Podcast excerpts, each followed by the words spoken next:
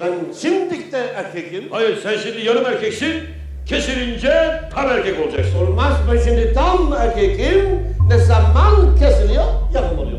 Sırası sırası sırası.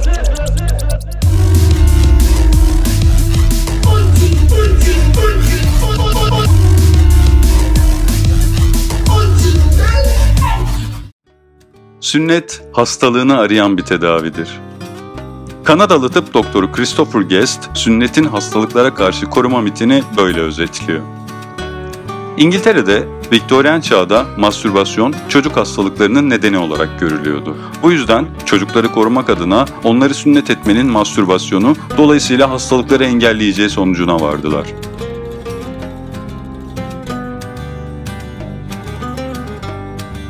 Toplumda ilk başlarda bir Yahudi geleneği olarak görülen sünnet, gitgide bir cinsellik giderici olarak algılanmaya başladı.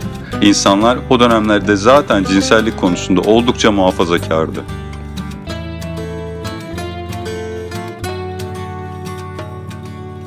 Ayrıca bu ucuz bir operasyon olmadığından sünnet prestij kazandı ve bir zenginlik gösterisine dönüştü. Eğer birisi çocuğu için en iyisini istiyor, onun sağlıklı büyümesini sağlamak için bu önemli ameliyatı yaptırabiliyorduysa belli ki üst sınıftan biriydi. Bu kısa zamanda çok popüler oldu. Sonraki dönemlerde tıbbi araştırmalar sünnetin birçok hastalığı önleyeceğine dair önermeler ortaya attı. Sünnetin 1845'te mastürbasyonu, 1855'te frengiyi, 1865'te epilepsiyi, 1870'te omurilik felcini, 1873'te yatak ıslatmayı, 1875'te omurga eğriliğini, 1879'da gece boşalmasını, 1881'de bütün göz problemlerini, 1890'da körlük, sağırlık ve zeka geriliğini, 1894'te makaledeki adıyla zencilerin beyaz kadınlara tecavüz etmesini, 1914'te tüberkülozu, 1926'da penis kanserini, 1942'de prostat kanserini, 1949'da cinsel yolla bulaşan hastalıkları ve rahim ağzı kanserini önleyeceği iddiaları ortaya atıldı.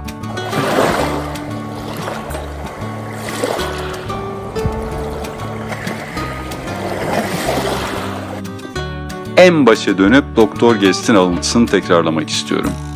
Sünnet, hastalığını arayan bir tedavidir. Günümüzde de tıp sünnetin bazı hastalıkları önleyebileceğini iddia ediyor. Bunlardan biri penis kanseri. 250 binde bir görülüyor. Şöyle söyleyeyim, bir erkeğin meme kanserinden ölme riski penis kanserinden ölme riskinden daha fazla.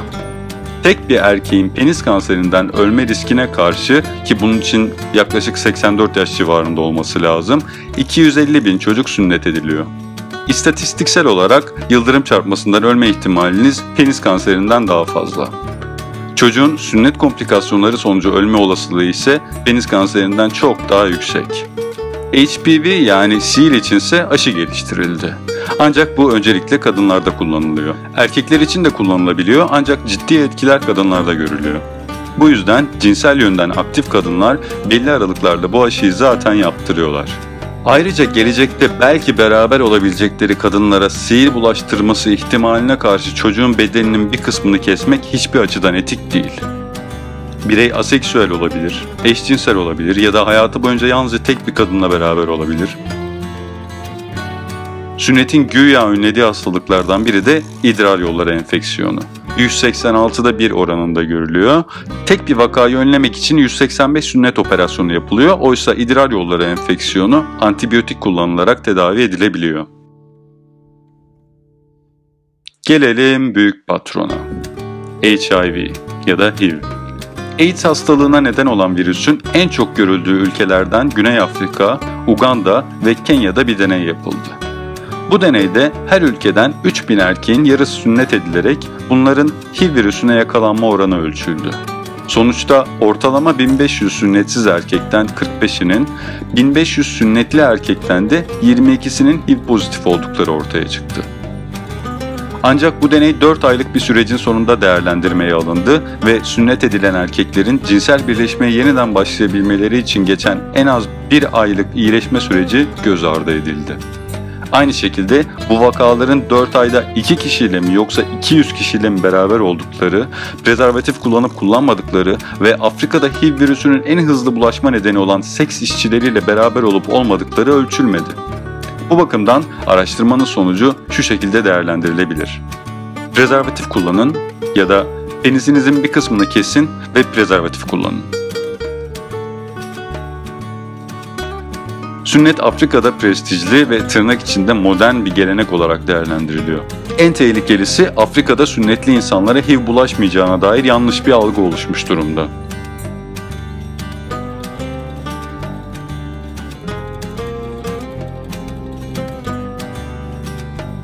Türkiye'den de bazı kurumlar her yıl binlerce Afrikalı çocuğu sünnet etmek üzere temsilciler gönderiyor. Farz edip diyelim ki sünnet gerçekten HIV'e ve cinsel yolla bulaşan hastalıklara yakalanma riskini azaltıyor. Bu neden ergenlikten önce yapılıyor? Tıbbın argümanları yeterince sağlam değil mi? Yetişkin bir erkeği HIV'e karşı korunmak için sünnet olma konusunda yeterince ikna edici olamayacaklar mı? Ayrıca küçücük çocukları cinsel yolla bulaşan hangi hastalıktan korumaya çalışıyorsunuz? Sapık mısınız? Buna benzer bir diğer yaklaşımda büyüyüp seks yapmaya başladığında sünnetsiz diye kimse onunla birlikte olmak istemeyecek paranoyası. Ailelere kişisel tercih ve zevkine göre çocuğun bedenini daha başka nasıl biçimlerde modifiye etme hakkı vereceğiz? Kızlara küçük yaşta silikon taktırmak, oğlanlara botoks yaptırmak gibi kozmetik tercihlere de saygı duyacak mıyız? Bu bakış açısındaki ebeveynler çocuğun gelecekte seksüel yönden aktif bir insan olacağını varsaymanın yanında bir de öz evladını cinsel obje haline getirmiş olmuyor mu? Çocukların doğru bir cinsel eğitim aldıktan sonra ne yapacakları kendilerini ilgilendirir. Sağlıklı bir cinsel yaşam sürdürmesi için çocuğa yaşına uygun bilgiler verilir ve tehlikelere karşı çocuk ikaz edilir. Kimse sünnetsiz bir penisi ağzına almak istemez gibi olağanüstü kişisel bir yaklaşımla pipisi kesilmez. Okumuş etmiş tıp doktorları 21. yüzyılda çıkıp Evet ama sünnet derisinin altında bakteri vesaire birikip enfeksiyona yol açabiliyor. diye demeç vererek sünneti savunuyorlar. Bu bakış açısına göre %98,6'sı sünnetli Türkiye toplumunda erkeklerin hiçbirinin cinsel organlarında enfeksiyon vakasına rastlanmaması gerekir. Ayrıca bilin bakalım temiz tutulmadığı takdirde başka hangi organlarımızda bakteri birikip enfeksiyona yol açabiliyor?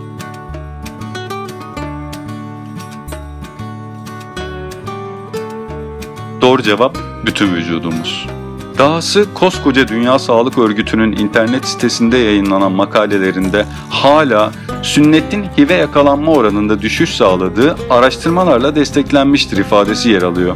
Ki bu takdire şayan örgütün ne kadar güvenilir olduğunu Covid-19 virüsü insandan insana bulaşmaz duyuruları yaptığında bir kez daha anlamıştık. Gördüğünüz gibi tıp, yüzyıllar boyu henüz tedavisi bulunmamış birçok hastalıkta sünnet derisini günah keçisi ilan etmiş. Dönemin popüler hastalığı neyse onu önleme yolu olarak bu barbarca yöntemi önermiş. Ancak aynı tıp belli ki %80'i sünnetsiz olan insanların nasıl olup da bütün bu hastalıklardan biri bir ölmediğine dair bir açıklama getirmemiş.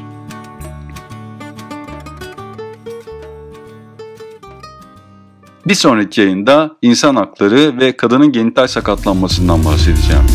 Benimle kalın.